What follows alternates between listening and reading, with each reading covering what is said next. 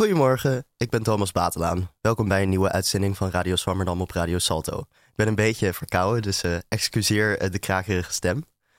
Stel, je wil weten hoe het gaat met homo's in een bepaald land. Waar kijk je dan naar?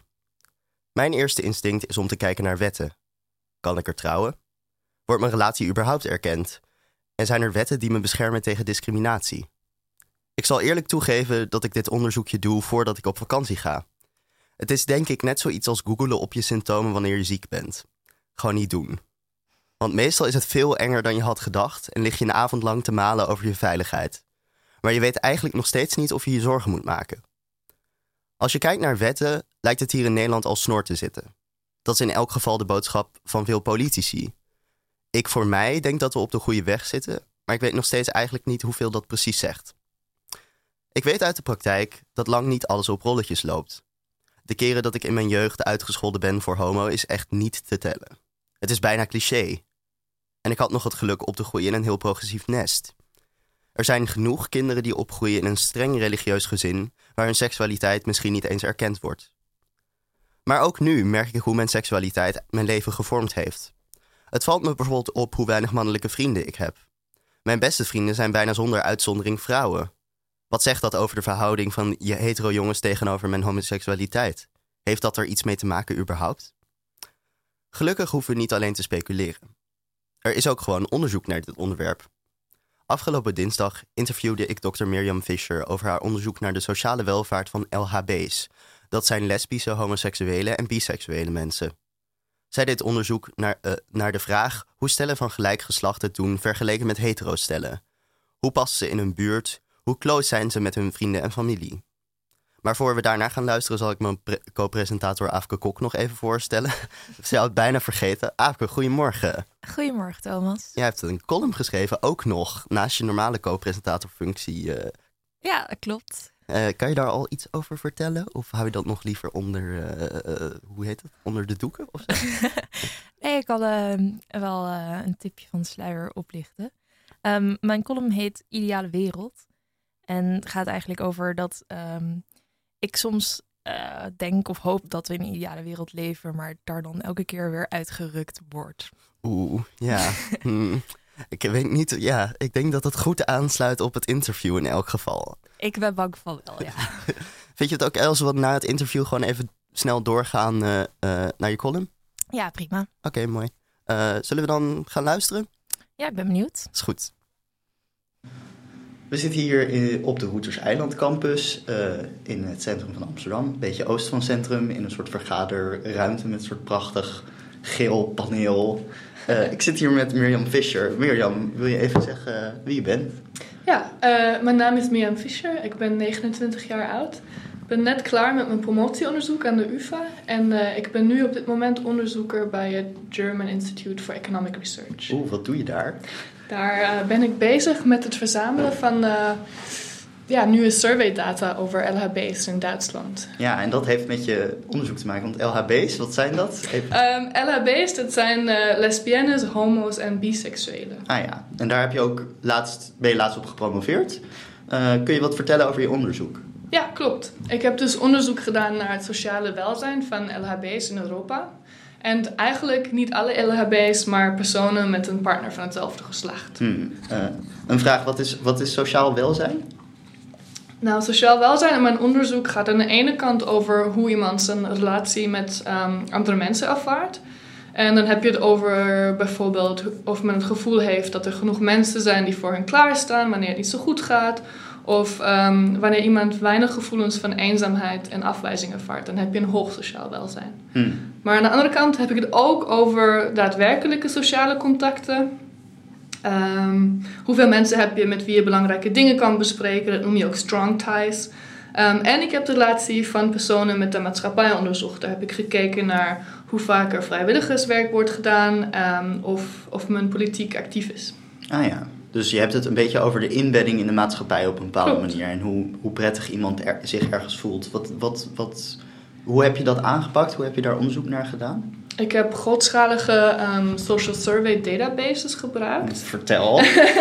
Dus um, uh, met name de European Social Survey en de Generations and Gender Program. Het zijn dus uh, grote vraaglijsten die worden afgenomen in uh, verschillende landen in Europa en die kan je vervolgens met elkaar vergelijken. Hmm. Dus een van de dingen die ik wilde, in mijn onderzoek willen doen is kijken of er een verband bestaat tussen hoe geaccepteerd homoseksualiteit is in een land en welzijnsverschillen tussen LHB's en hetero's. Ja, ja. En je hebt daarvoor die twee grote vragenlijsten geanalyseerd. Dat, daar heb je, hoe, hoe ben je daar preciezer mee te werk gegaan? Nou, ik zei eerder al, um, ik heb alleen mensen met een partner. En dat mhm, heeft ermee te maken dat er heel weinig wordt gevraagd naar uh, seksuele geaardheid in die grote surveys. Er wordt gewoon uh, niet naar gevraagd, omdat mensen niet aan denken, ik weet het niet. Maar daardoor heb je heel weinig data om dit überhaupt te gaan bestuderen. Maar voor mij was het belangrijk om met, uh, juist met deze grote data te werken, omdat ik iets wilde zeggen over LHB's in het algemeen en niet alleen over een klein selectief groepje.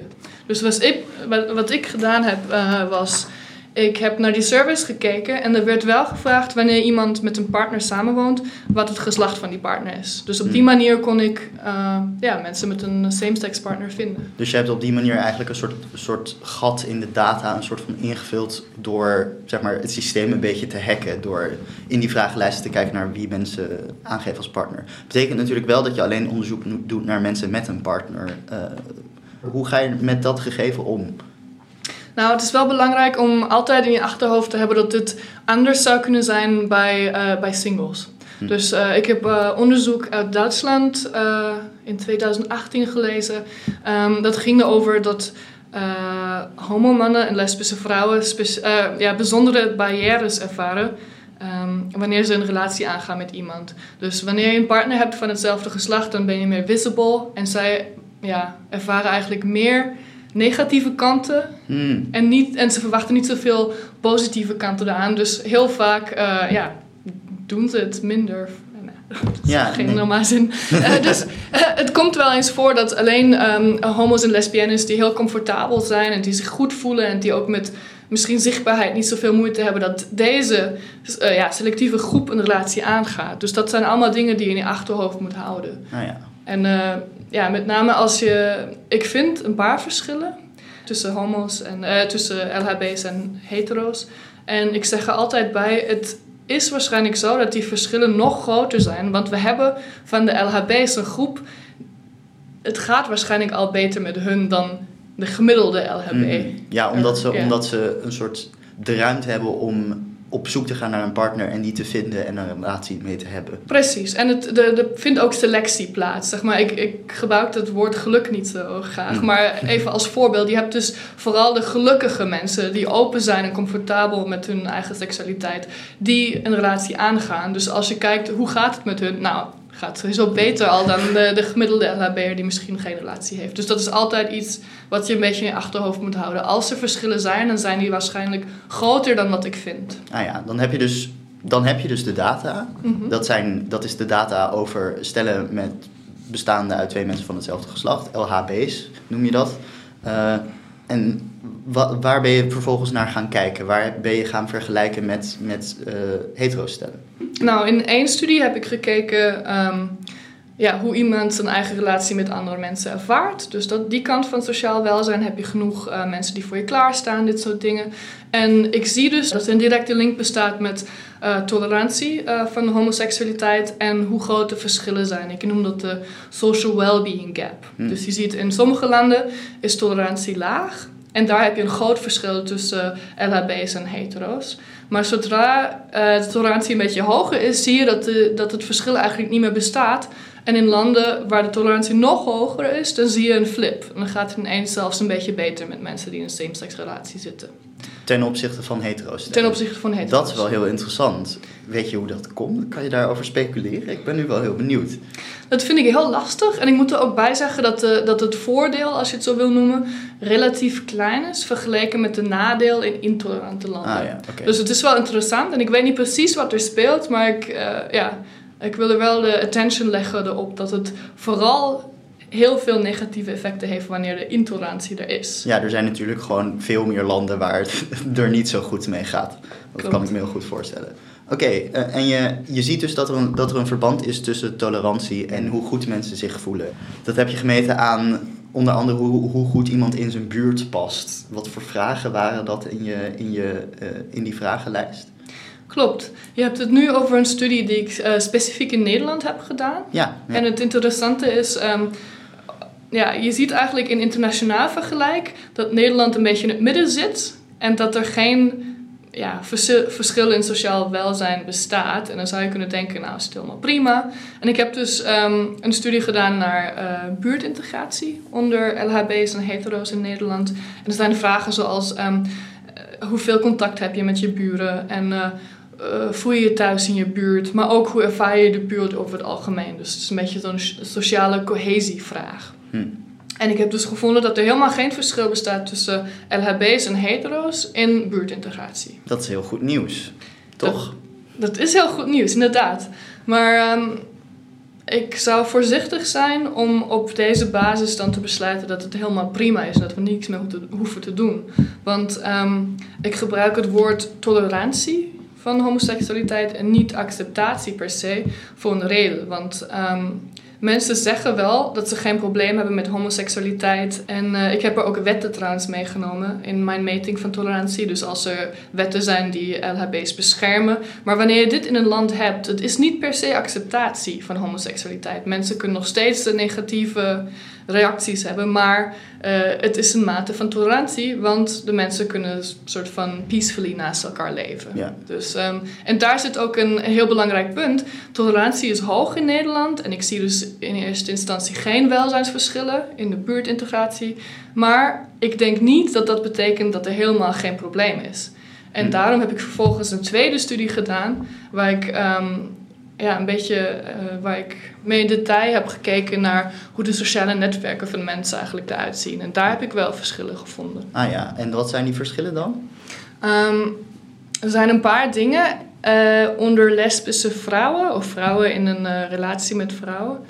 ehm, heb ik gevonden dat ze minder gezinsverbanden hebben in, in hun sociale netwerken, Hm. Maar meer vrienden.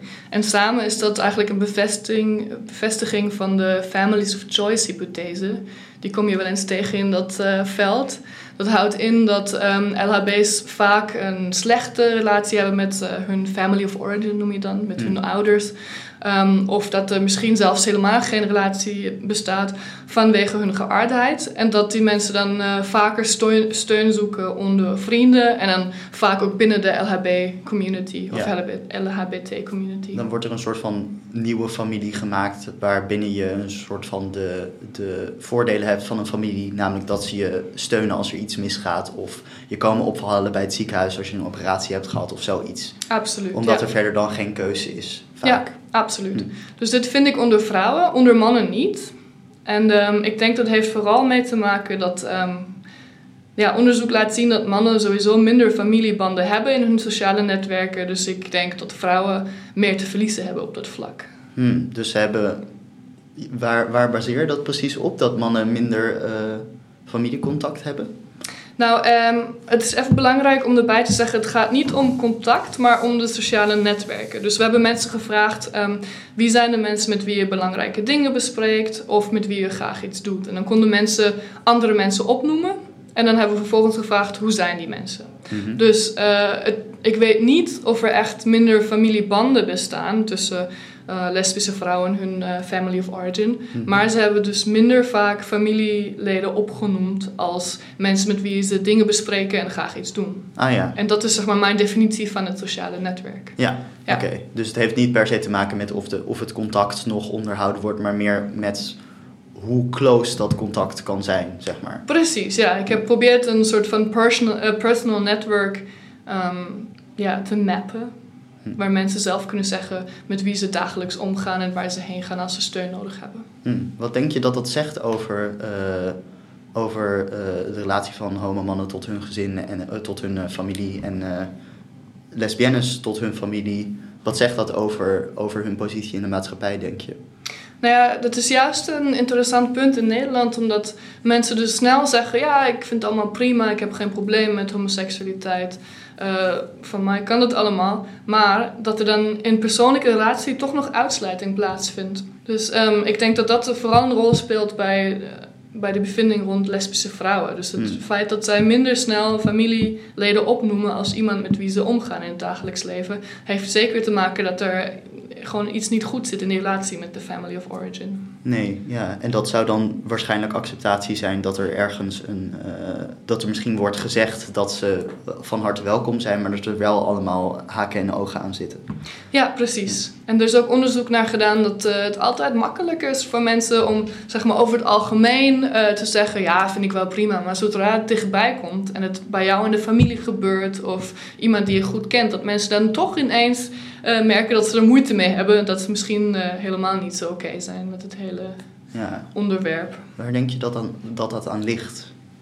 Ik denk dat er ook een stuk ehm, social desirability erbij zit. Dus het is eigenlijk niet geaccepteerd meer, of niet, zo, niet erg geaccepteerd, eh, om te zeggen dat je iets hebt tegen homo's en lesbiennes. Of hetzelfde met, ik weet niet, met migrants of racial minorities. Dus het is eigenlijk niet geaccepteerd dat je zegt, eh, ik heb een probleem mee. Dus de mensen voelen ook ergens een druk te zeggen, ja, ja, ik vind het allemaal prima, het mag voor mij wel, maar niet te dichtbij. Ik denk dat dat een rol speelt. En ehm, in Nederland specifiek is het ook echt een onderdeel van de, ja, van de nationale identiteit van mensen. eh, dat ze over zichzelf zeggen: Ik ben tolerant tegen, eh, ten opzichte van homoseksualiteit. Ja, Dus terwijl dat dat is- misschien in de, in de praktijk en in, in het klein een stuk minder is. Precies, ja. Maar het is wel eh, een heel belangrijk iets voor een Nederlander om te zeggen: Ja, ik ben tolerant Hmm. daartegenover. Ik vraag me af of het, of het ook andersom werkt. Dat of homo's dan op vragenlijsten waar jij onderzoek naar doet, ook eerder invullen dat ze geaccepteerd zijn. Omdat je graag ook wil denken over, over je eigen land als ac- accepterend. Ja, zeker. En dat is één heel belangrijk punt dat ik aan het eind eh, bespreek in mijn boek. Want ik vind eh, vaak kleine verschillen tussen LHB's en hetero's. En dat is allemaal reden waarom ik denk dat de verschillen eigenlijk groter zijn. En je noemt nu één. Ik denk dat, er, dat het wel eens gebeurt dat, eh, dat er gewoon een beetje gelogen wordt bij de vragen. Sowieso ook als jij onderdeel bent van een minderheidsgroep en er onderzoek wordt gedaan naar jou en er wordt gevraagd hoe gaat het met jou. Het is helemaal begrijpelijk dat sommige mensen dan zeggen, nou, het is helemaal prima. Gewoon omdat ze niet een victim role willen aannemen. Hmm. Dus dat is zeker iets dat, dat ik ook meeneem in mijn overwegingen. En dat zou dan weer zo lijken alsof het verschil tussen LHB's en hetero's eh, kleiner is dan het eigenlijk is. Hm. Ja, je hebt ook in je onderzoek ontdekt dat er eh, een soort andere opbouw is eh, in de sociale netwerken van homomannen specifiek. Dat ze dan hetero-mannen, namelijk dat ze een stuk meer vrouwen in hun sociale kringen hebben. Dat klinkt voor, denk ik, heel veel mensen logisch, want dat, dat zie je wel vaker. Maar hoe denk je dat dat, eh, hoe dat komt?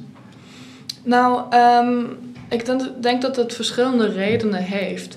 Want eh, je zegt het al, mensen vinden het heel logisch. Zo, Oh ja, dat zie je vaak dat homomannen met meer vrouwen omgaan. En ehm, mensen zeggen dan snel zo, oh, de, ze hebben daar een, een, een preference voor. Dat is gewoon wat zij prettiger of leuker vinden. Maar ik als socioloog vind dus, of denk dus niet dat, eh, dat voorkeuren in een vacuüm ontstaan. Dus het heeft zeker iets met seksualiteit te maken. Anders was er geen verschil tussen homo en hetero mannen. Dus waar ik het over heb bijvoorbeeld is...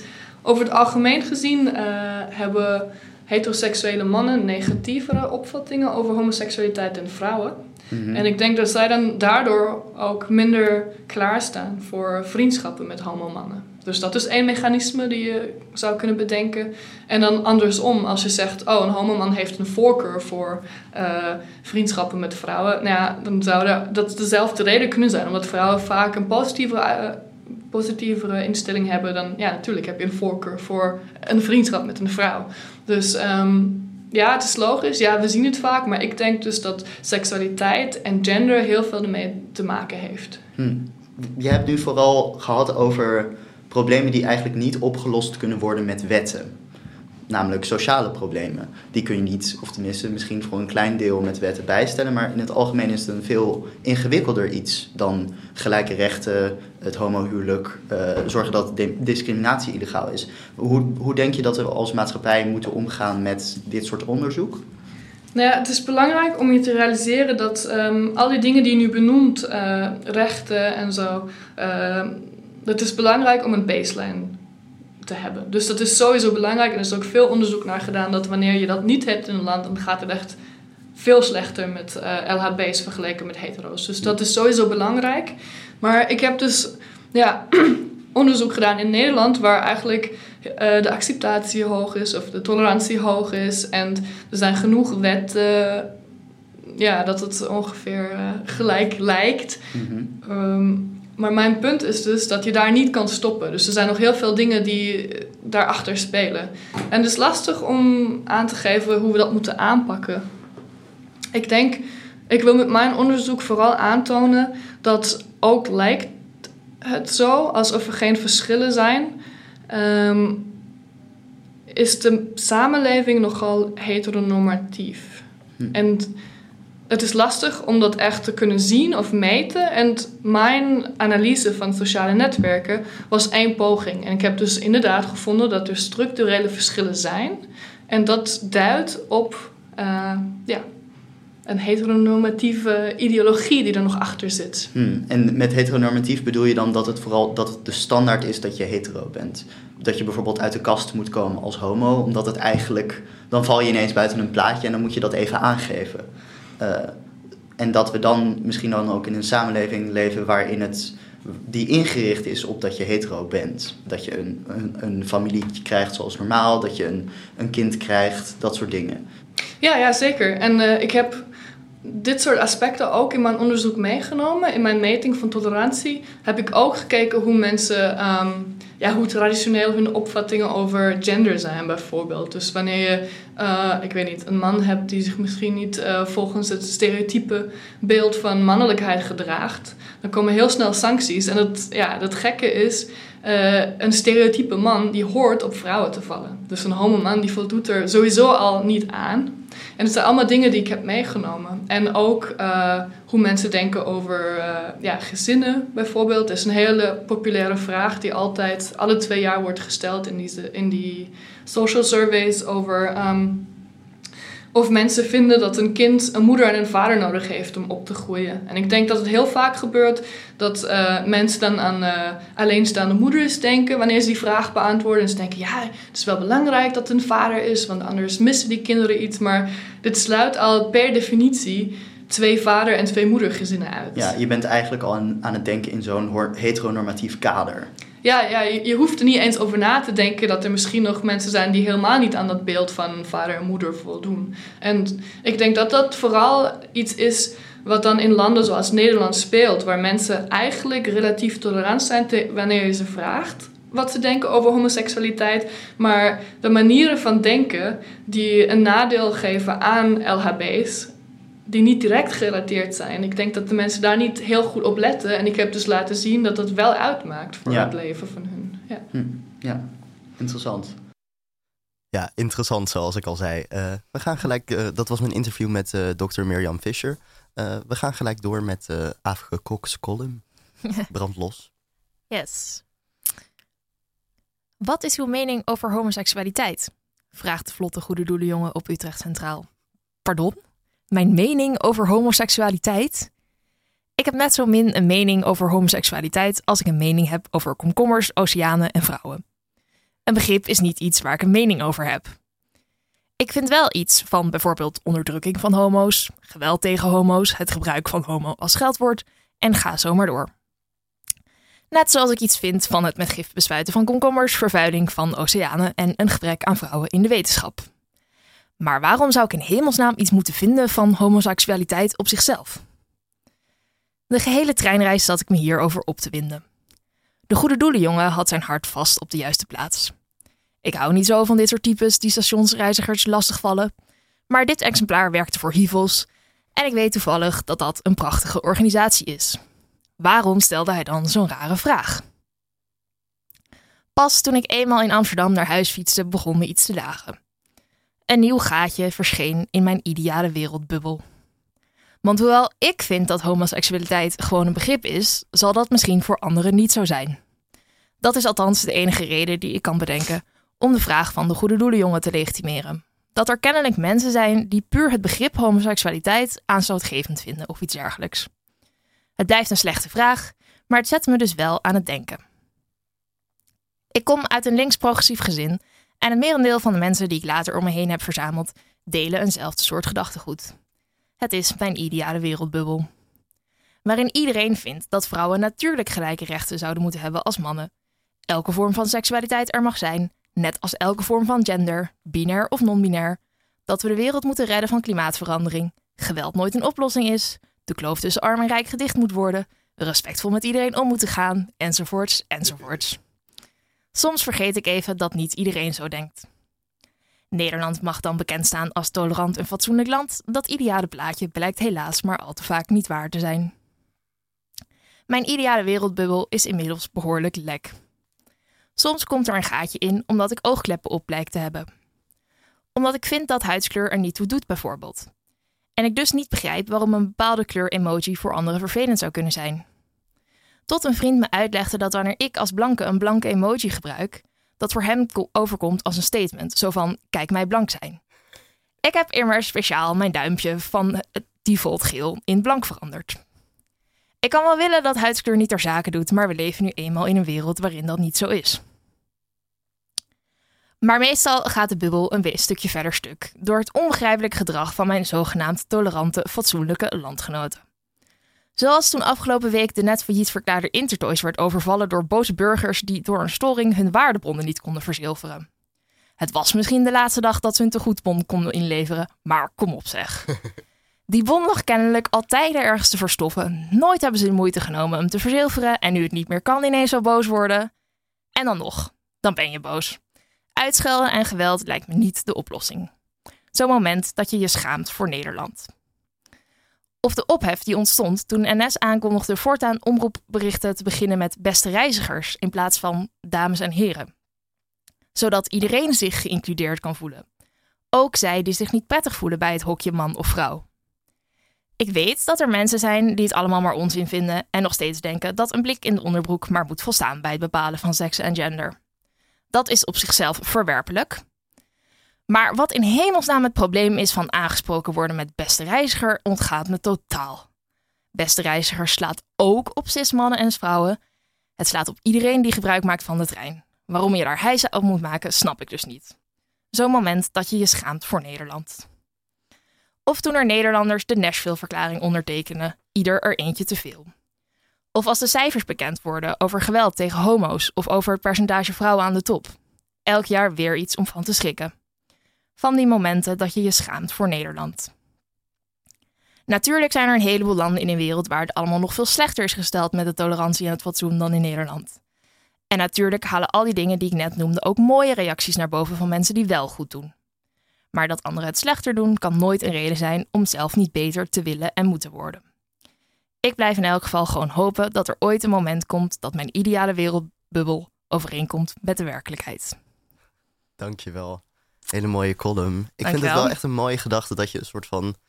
Ik weet niet, ik, ben, ik, ik doe dat zelf ook best wel vaak. Dat ik een soort van denk in een wereld die eigenlijk niet zo bestaat.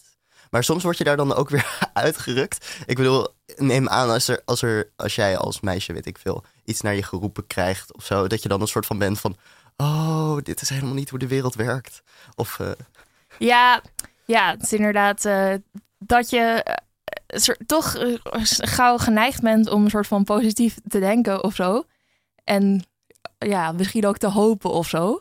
Dat, dat dat zo is. En dat je dan elke keer weer op gewezen wordt dat het niet zo is. Hoewel ik dat met dat dat catcalling niet zo heb, omdat dat gewoon zo vaak gebeurt. Dat ik inmiddels al zo vaak daaruit ben uh, gerukt. Ja, maar dat is ook zoiets wat ik dan, als ik dat dan nu hoor, dan ben ik ook van, oh wauw, dit gebeurt natuurlijk heel veel. Ik bedoel, toen ik de vraag stelde, dacht ik al van, um, wacht even, is dit wel gebeurd? Ga ik dit dan wel vragen? Want ik weet helemaal niet of dit echt gebeurd is. Maar ik, ik, ik weet niet, ik heb niet van zoveel meisjes gehoord dat ze een soort van gecatcalled worden echt de hele tijd. Ja. Maar echt oh, vreselijk. Nou ja, dat zijn inderdaad zo van die dingen die je dan ook... eh, terwijl eh, jij dat natuurlijk ook eh, heel erg vindt. Maar omdat je jezelf niet overkomt, je er niet zo over nadenkt. Net zoals dat ik bijvoorbeeld eh, nooit eh, homo naar me achteraan geroepen krijg of zo. als scheldwoord. Nee. Terwijl jij daar misschien wel soms last van hebt. Hmm, ja, dat valt dus nog, me- nog wel mee. Met name op de middelbare school. Als het als homo toch al best wel een, een scheldwoord is. Dan heb je een soort klimaat waarin het heel erg is als je zo wordt genoemd. En het is des te erger als je ook nog een soort van...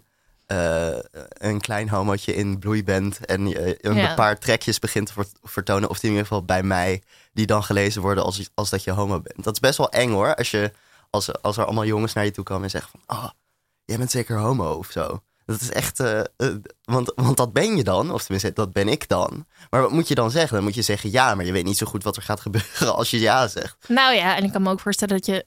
ehm, misschien tenminste ik had als puber, ik had gewoon geen idee.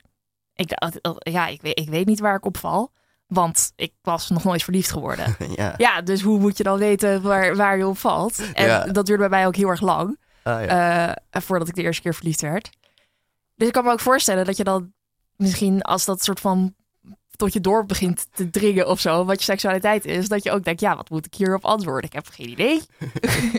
ja, nee, ja, inderdaad. Nee, maar ik, ik, ik wist het al heel vroeg hoor. Ik was echt tien toen ik voor het eerst verliefd werd. Ik was er heel vroeg bij. Oh, tien. I know, I know. Het was echt ontzettend schattig. Eh, goed. Ja, over dat beste reizigersding. Ik, ik, ik zal eerlijk toegeven dat ik me daar... Dat is natuurlijk... Goed, één punt tegelijk. Eh, ik moet eerlijk toegeven dat toen ik dat voor het eerst hoorde dat dat ging gebeuren... dacht ik van, oh super. En toen hoorde ik het op het station en toen was het in de context van... beste reizigers. Reizigers naar dit en dat en dit. Toen was ik van, oh, misschien als een ander woord moeten kiezen. Beste mensen of zo. Ja, ik weet niet zo goed wat je dan moet zeggen. Ja, hm. Nou, ja, dat klinkt dan misschien eh, gek. Dat is waar. Eh, ja, goed, nee. Maar ja, goed. Ik vind, ik vind het zelf wel een heel goed initiatief. Maar Ja. eh, wat ik nog wilde zeggen... ehm, wat ik natuurlijk ook best wel vaak ervaar... is dat ik stiekem, omdat je in een soort wereld leeft... waarin toch best wel vaak... ik bedoel, waarin je op school best wel veel... soort van homofoob gedrag te zien krijgt... dat je dat ook een beetje in jezelf gaat krijgen. Dus als ik... Ik weet niet, dat is nu een heel candid moment voor alle onze luisteraars... maar als ik een soort heel flamboyante homo zie dan voel ik me vaak een beetje geïrriteerd. En dat komt dan enerzijds doordat ik gewoon niet zo heel erg van enorm uitbundige mensen hou. Al zou je dat misschien anders denken. Eh, ehm, maar anderzijds denk ik ook dat het komt door een soort van, een soort van, ja, een soort homofobie van mij dan. Terwijl ik zelf homo ben. Maar volgens mij sluipt dat er ook wel in. En als je dus van die oogkleppen he- op hebt van eh, onze wereld is gewoon wel prima en iedereen is gelijk en het doet er allemaal niet toe. Dan vergeet je soms ook wel eens dat je zelf die gedachten wel eens kunt hebben. Ja, dat is waar. Al zou het ook wel... Misschien, ik kan me voorstellen dat je dan... eh, maar je voelt je in een hokje geduwd of zo. En eh, zo'n eh, flamboyante homo-man zit dan in hetzelfde hokje als jij. Terwijl jij je misschien helemaal niet zo voelt dat je in hetzelfde hokje zit of zo. Ja, dan zit de schuld een beetje bij al die hokjes natuurlijk. Ja, Dat blijft voor eeuwig het probleem. ja, dat is inderdaad. En dat is ook een probleem wat denk ik lastig op te lossen valt. Van de nee, want ik had, ook, ik had ook ergens gele- gelezen dat het soort van wel menselijk is. Dat je, dat je alles in hokjes probeert te vatten, want dat is gewoon makkelijker. Ja, maar ik denk wel dat het, het is niet per se heel erg als je soms oogkleppen op hebt, zolang je maar ook af en toe doorhebt dat dat zo is. En ook weer met terugwerkende kracht kan denken, oh ja, ehm, daar moet ik misschien anders over denken of anders op reageren. Hmm, ja. Ja, ik denk, ja. Ik weet niet, ik vind het zelf bij mij altijd wel heel erg als ik die gedachte heb. Want dan denk ik altijd van, oh, ja, goed. Het zit dus ook een beetje in mij. Maar ik vraag me dan ook af in hoeverre dat mijn schuld is. Als je opgroeit in een samenleving waarin dat zoveel voorkomt, dan ga je dat vanzelf wel een soort van overnemen, Ja, denk ik. nee, ja, dat, dat, dat zei eh eh eh, Miriam Fisher er net ook, toch? Van we leven in zo'n heteronormatieve maatschappij. Eh, en het is misschien heel gemakkelijk om te zeggen, daar is uiteindelijk alles op terug te voeren. Maar het is misschien ook wel gewoon echt een beetje waar. Ja, en dat eh, natuurlijk niet tegenstaan dat echt 80%, of 80% is nog een heel laag getal, maar eh, laten we zeggen eh 90% van eh, Nederland gewoon hartstikke hetero is, of in ieder geval zegt dat te zijn. Ja, maar goed, het is nog steeds een beetje gek dat mensen er altijd bij kinderen bijvoorbeeld van uitgaan dat ze later gaan trouwen met, met het tegenovergestelde geslacht. Ik bedoel, je, is, ik, weet, ik weet niet. Dat is een beetje een, een niet echt een punt. Maar ik, ik heb nooit vadertje, vadertje gespeeld of zo. Maar altijd moedertje, vadertje, weet je wel, op, op de basisschool. Ja, maar nee, goed. ik nog nooit over nagedacht. Maar het is wel waar, inderdaad. Hoewel dat misschien, ik heb geen idee of de kinderen van nu dat nog steeds. Ja, sowieso. Maar sowieso, de kinderen van nu zijn echt. ik weet niet, ik ben echt 21, dus ik kan hier echt niks over zeggen. ja, die klinken heel oud, maar dat uh, valt natuurlijk wel mee. Nee, maar ik was, ik was laatst naar de Utrecht Pride, als, als u allen even wil weten waar ik politiek sta. um, en in, af, afgelopen zomer, dus dat is al heel lang geleden. Maar toen, toen was er dus een scholierenboot, hè? Dat was echt, toen ik op school zat, wat? Ja, ik heb echt wel uh, toch het idee hoor, dat dat weer ja, dat het toch weer iets beter gaat. ja, zo. nee, ik denk uh, zeker dat het de goede kant op gaat. Maar dan moeten we, dat moeten we niet. Uh, ik bedoel, die, die hoopvolle boodschap moeten we ook, denk ik, op het moment dat het ertoe doet, nuanceren weer. Dat, er, dat, het, dat het de goede kant op gaat, maar dat het niet allemaal al klaar is. Maar ja. het is zeker beter, denk ik, dan zelfs al tien jaar geleden.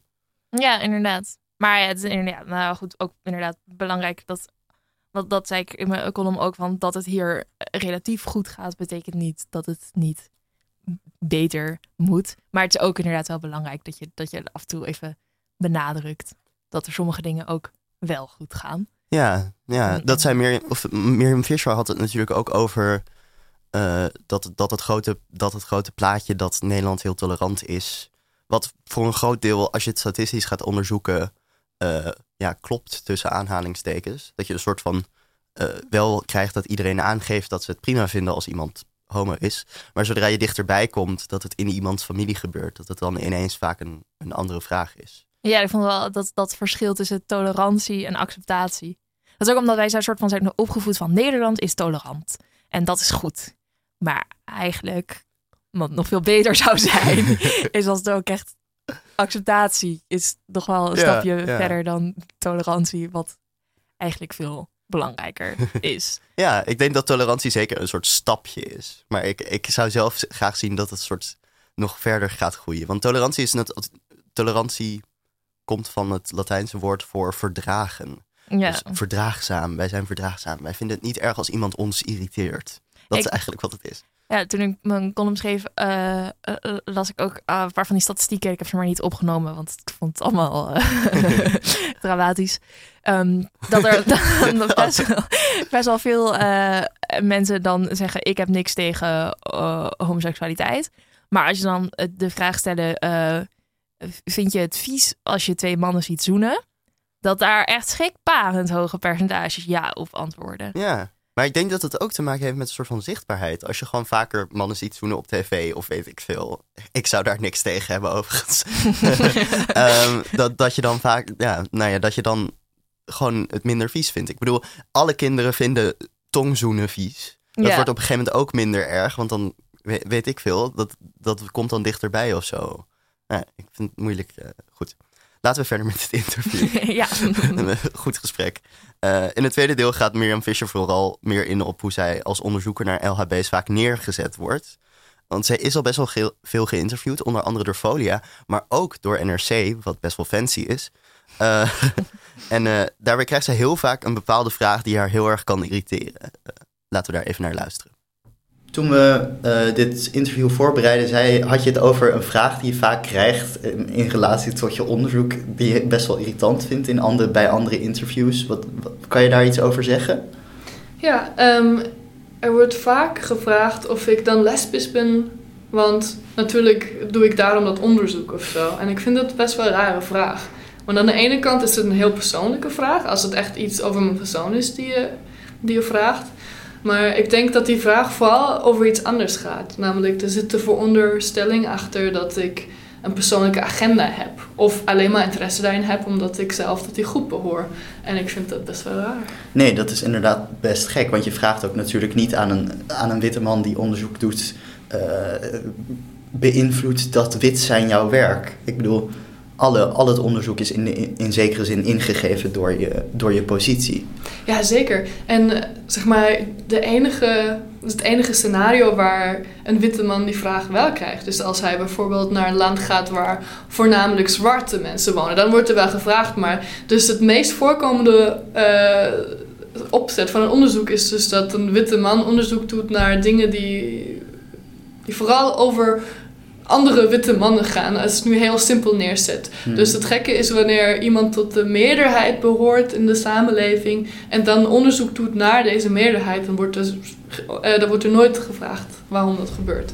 Maar het is alleen wanneer je tot een, een minderheidsgroep behoort, bijvoorbeeld LHB's, um, dat er dan gevraagd wordt: Oh, uh, is dat waarom je het onderzoek doet? En wat dus eigenlijk achter die vraag zit, is, uh, is de vraag: Ben je dan wel objectief? Als hmm. jij zelf tot die groep behoort, ben je dan objectief genoeg om dat onderzoek überhaupt te doen? Ja, want de implicatie is dat je politiek uh, punt wil maken met je onderzoek of je, je politieke punt wil onderbouwen met je onderzoek. Precies, en dat is een, uh, natuurlijk een belangrijk onderwerp om het erover te hebben. Uh, hoe je eigen positie, waaronder ook je politieke voorkeuren, invloed hebben op je werk. Maar het feit dat het alleen aan personen van minderheidsgroepen gevraagd wordt en niet aan de anderen, laat al zien dat het niet echt een zo'n onschuldige vraag is als het lijkt. Hmm, maar als je, als je politieke uh, positie en je positie in de maatschappij je onderzoek zou beïnvloeden, is je onderzoek dan, kan je je onderzoek dan nog objectief noemen of is het dan heel subjectief onderzoek? Nou, ik zou zeggen, zoiets als objectief onderzoek bestaat niet. Dat bestaat gewoon Leg helemaal uit. niet. Ja.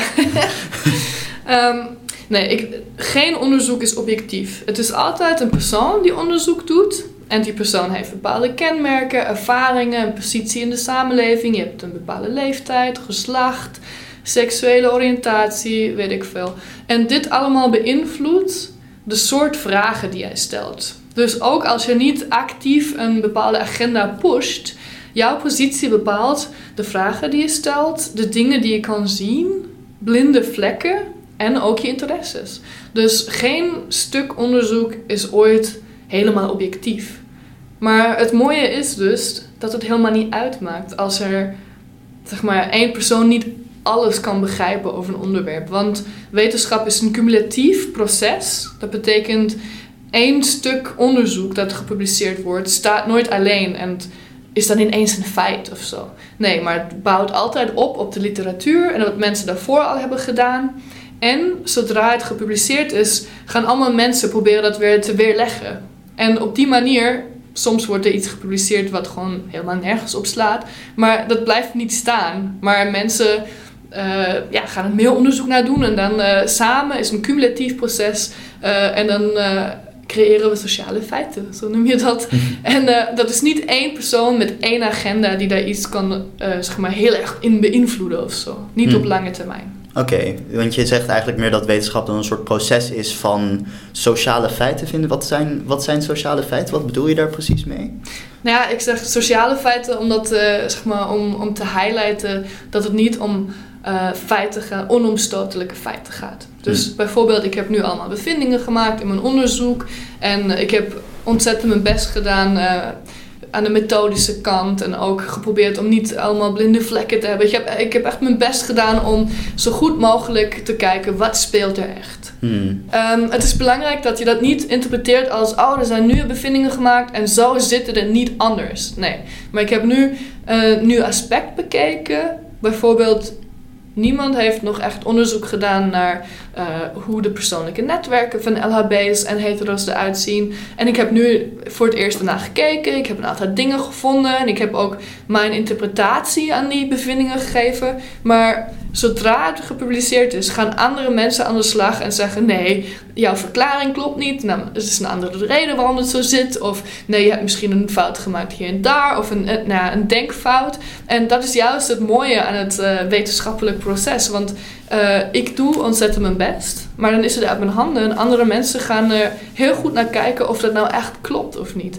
En dat, ik vind het best wel kalmerend. Want stel dat je echt als één individu uh, verantwoordelijk was om zeg maar, de feiten waarop de samenleving baseert of de politiek. Als je die, die verantwoording, verantwoordelijkheid hebt om, om dat zelf eh, te creëren, ik zou dat een ontzettende druk vinden. Dus ik doe heel erg mijn best als onderzoeker, zoals de meesten dat zullen doen.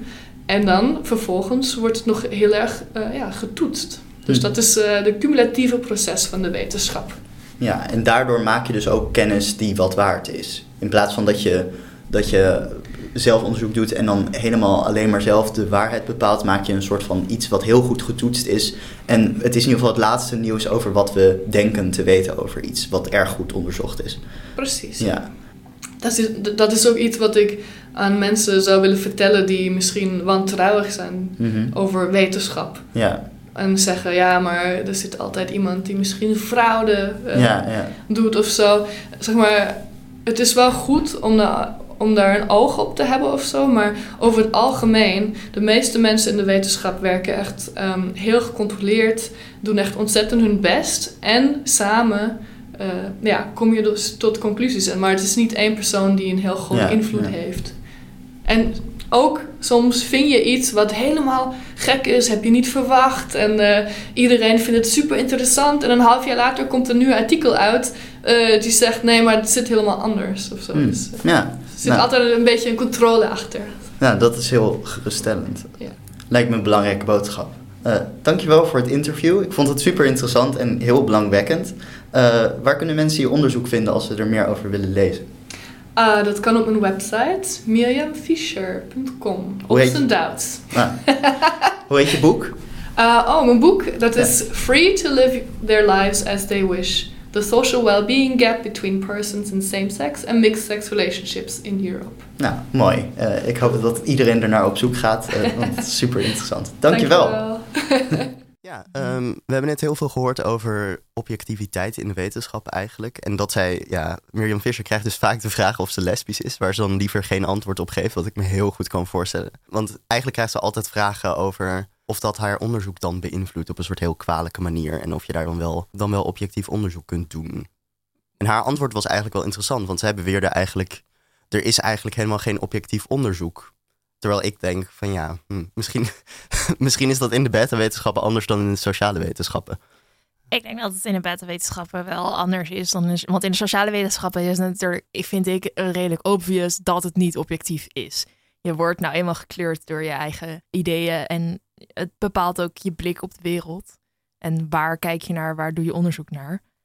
Dus ik denk dat het in de beta-wetenschappen wat subtieler is. Maar je, je kunt het er denk ik nog steeds wel in, in terugvinden hoor, want het bepaalt natuurlijk nog steeds waar je onderzoek naar gaat doen. Het is natuurlijk wel zo dat, eh, ja, god, als jij kijkt naar eh, de, weet ik veel, transport van eiwitten in een cel, ja, dat zal misschien niet zo heel veel uitmaken of ik al hetero of homo ben. eh, zeg maar, ze gaan nog Je steeds zou even het snel. hopen, je zou het hopen. maar ja, dat je bijvoorbeeld onderzoek gaat doen naar een bepaalde ziekte of iets, dat, ja, dat zou misschien best kunnen worden ingegeven door. Nou, ik weet bijvoorbeeld wel, dat is wel interessant. Daar moet ik nu aan denken. Dat je, kom ik weer terug op mijn homo-treintje. Eh, ik, ik weet wel dat er heel lang heel weinig onderzoek werd gedaan naar HIV. Toen het, net, eh, toen het er net was. Toen heette het ook iets anders. Ik weet niet meer hoe het heet. Maar iets met homoseksueel in de naam. Dus het idee was van alleen homo's kunnen dit krijgen. En bij het grote publiek in met name Amerika was er heel erg het idee van divine justice. Van oh, dit heeft God gedaan, want ze zijn allemaal zondig. En we kunnen er beter geen onderzoek naar doen, want dan werken we Gods plan tegen. ja. En eh, zelfs Ronald Reagan heeft er heel lang nul funding aan gegeven, terwijl er een enorme epidemie was eigenlijk. Dat is natuurlijk wel iets wat op de een keer subjectief is in een onderzoek. Ja, nee, ik denk dat maar het soort onderzoek dat gedaan wordt en waar gaat inderdaad het geld naartoe, dat wordt nog steeds wel ingegeven, ook door ja, je ideeën en de persoon eh, die je bent. Dus het zit ook in beta-onderzoek, denk ik wel, maar Ja, misschien wat ja. minder duidelijk. Ja, misschien wel. Ja, de vraag is natuurlijk. eh, voor mij was de vraag die ik toen niet gesteld heb, maar nu wel. Ze heeft het aan de ene kant over dat onderzoek eigenlijk standaard is: witte mensen doen onderzoek naar witte mensen. Of witte mannen doen eigenlijk onderzoek naar witte mannen. Want als je kijkt naar de hogere ladders van de academie, dan zie je vooral heel veel witte mannen, witte oude mannen. De hoop is dat dat dan vervangen wordt. Maar aan de andere kant zegt ze dat eh, onderzoek cumulatief werkt. Dus als, er, als je maar genoeg onderzoek doet, dan krijg je op een gegeven moment wel betrouwbare informatie waar je wel van uit kunt gaan. Maar toch denk ik dat er, dat er nog wel heel veel te doen is. Dat je bijvoorbeeld, stel alleen maar witte mannen doen onderzoek, dat is natuurlijk helemaal niet waar. Maar als we het even simplificeren, alleen maar witte mannen on- doen onderzoek, dan kunnen ze wel nog zoveel feiten op elkaar stapelen. Maar als ze dan niet onderzoek doen naar andere dingen, dan heb je nog steeds niet. Nee, je blijft dan denk ik soms sommige dingen misschien missen. Omdat mensen met een andere blik misschien weer net ergens anders naar kijken. En misschien net weer iets anders in hun onderzoek betrekken. Of een andere hypothese opwerpen. Ja. Ehm, dat, ja, dat net als dat interdisciplinariteit eh, goed is. Omdat je met een andere blik Ja. naar hetzelfde onderwerp kunt kijken. Ik denk dat onderzoek er altijd op vooruit gaat als er weer diversiteit is. Ja, ja, laten we dat wel hopen. Ik dacht, we hadden het in het voorgesprek, Mirjam en ik, ook nog over. precies over dit probleem. En toen zei ze: Ja, er moet ook meer. Ze zei van onderzoek is altijd gedaan. Dat zei ik van door hoogopgeleide mensen. Begon ik mee. Maar dat is het. Natuurlijk is onderzoek gedaan door hoogopgeleide mensen. Want je moet hoogopgeleid zijn om naar de universiteit te gaan. En bovendien, je bent pas hoogopgeleid als je naar de universiteit gaat, volgens mij. Ja, maar het is wel bijvoorbeeld iets waar je aan kunt denken in het includeren van proefpersonen. En Oh. ook, ehm, want de meeste, meeste proefpersonen zijn psychologiestudenten. Ja, klopt. En dat ja, is dat natuurlijk heel kwalijk. Eh, maar er wordt ook wel bijvoorbeeld eh, nagedacht over zeg maar, waar moeten we onderzoek naar doen. Ik weet dat ze op de VU bijvoorbeeld ook dan bezig zijn juist met panels van mensen die zeg maar echt in dat onderwerp staan. Eh, vanuit gewoon dat ze wonen in een wijk waar, weet ik veel, een windmolen wordt gebouwd of zo. Ja. En dus dat je mensen echt vanaf het begin van het proces of zo erbij betrekt. En dat mensen die niet hoog opgeleid zijn, net zo'n waardevolle mening kunnen hebben over waar überhaupt ja, onderzoek naar gedaan moet worden. Ja, doet me heel erg denken aan. eh, het wordt misschien een beetje uit de oude doos, maar je had, je had in de verlichting, dat is dus 1800, dachten mensen allemaal van je kunt alleen onderzoek naar doen als je er niet middenin staat. Want dan kun je ernaar kijken, objectief. Eh, en toen kwam de romantiek eroverheen in een soort van, ja, weet ik wel, 1830 eh, eh, verder. Doet er allemaal niet toe. Maar die, daarin was het juist van, je kunt er alleen onderzoek naar doen als je er middenin staat. En dan moet je erin duiken en dan kun je er iets over zeggen. Eh, dus dan gaan de mensen ook allemaal op reis en, en, en zich onderdompelen in een andere cultuur. Die ze natuurlijk ook gewoon bekijken vanuit hun blik en niet vanuit die blik. Dus je zit er nog steeds niet helemaal in. Maar het, het is interessant om soort van die twee te bekijken. Van, moet je erin zitten als, onder, als onderzoeker? Is het handig als je, als je onderzoek doet naar bijvoorbeeld homo's, zelf homo bent en weet hoe het soort van speelt in je leven? Of is het belangrijk dat je erbuiten staat? Ik denk een mengeling. Ja, ik, ik, ik denk dat het allebei waardevolle inzichten op kan leveren. Dat juist het, het, het mooiste zou zijn als het allemaal gebeurt of zo. Ja, dat je gewoon, ja. Mengeling, meer diversiteit. Ja, precies. Dat zijn we ontzettend eh, politiek correct aan het zijn eigenlijk. Ja, ik dacht trouwens nog wel, zeg maar, dat die vraag aan haar gesteld wordt. Is natuurlijk ook misschien eh, weer zo'n moment dat eh, je ideale wereldbubbel wordt doorgeprikt. Want wij kunnen wel vinden dat die vraag niet gesteld zou moeten worden. Waar ik het op zich wel mee eens mee, ben. Ehm, maar het is nou eenmaal zo dat we in een heteronormatieve maatschappij leven waarin de lezers dat willen horen of zo. Ja, ja, natuurlijk. En als, en als journalist heb je natuurlijk ook de verantwoordelijkheid om de vragen te stellen die mensen interessant vinden. Ja, ja, hoewel je misschien ook als, als journalist de verantwoordelijkheid hebt of zo om de maatschappij te verbeteren of zo, weet ik ja, niet. weet ik niet. Maar in ieder geval om je gast ook wel een beetje op zijn gemak te stellen. Ja. Of niet altijd, nou, niet altijd natuurlijk. Maar in dit geval bij wetenschapsjournalistiek is het niet heel belangrijk dat je iemand echt keihard eh, de grond in boort. Of iemand een nare. Zeker omdat dit niet zo'n hele interessante vraag is eigenlijk. Of misschien uiteindelijk dus wel. Misschien is het uiteindelijk een interessante vraag, omdat we dankzij die vraag kunnen hebben over objectiviteit en, eh, en onderzoek naar homo's en hoe dat allemaal samenhangt. Ja, ik denk dat het zo, zoals jij zeg maar de vraag, je hebt hem niet echt gesteld, maar wel een soort van gesteld hebt. Ja, ik dacht, het is, het is echt. Dan is het juist goed dat je het er, er daar even over hebt. Maar als je me alleen maar stelt om, om even je plaatje bevestigd te, eh, te zien, zeg maar, dan is het gewoon een beetje een flauwe vraag. Ja, nee, maar het is ook, je speelt natuurlijk ook met een soort plaatje dat je. Er is wel een plaatje van, van sociale wetenschappen, namelijk dat het allemaal minderheden zijn die onderzoek doen naar zichzelf en daar een soort van hun eigen politieke punt bevestigen. Maar ja, goed, ik wil er ook niet omheen praten, want ja, het, het, is belangrijk dat we het erover hebben, denk ik. Goed, ik hoor het intro-tuentje, dus ik geloof dat, of het outro-tuentje, dus ik geloof dat we het programma moeten afsluiten. Dankjewel, Aafke, voor deze nou, vrij interessante gesprekken, als ik, al zeg ik het zelf. Nou, dankjewel, Eh, jij eh, ook. En eh eh, dankjewel Mirjam Fischer natuurlijk eh, voor het super interessante interview en voorgesprek. Was ook heel gezellig eigenlijk. Ehm, heel veel succes met je volgende onderzoek. Eh, ik hoop dat mensen allemaal je boek lezen. Eh, wil je deze aflevering of andere afleveringen nog eens rustig terugluisteren? Dan kan dat op radioswammerdam.nl of via Soundcloud, Apple Podcasts, Stitcher en Spotify. Als je een reactie hebt, dan horen we die heel graag op redactie.radioswammerdam.nl of op Facebook en Twitter. Mijn naam is Thomas Batelaan. Je luistert naar Radio Zwammerdam. Nog een fijne zondag.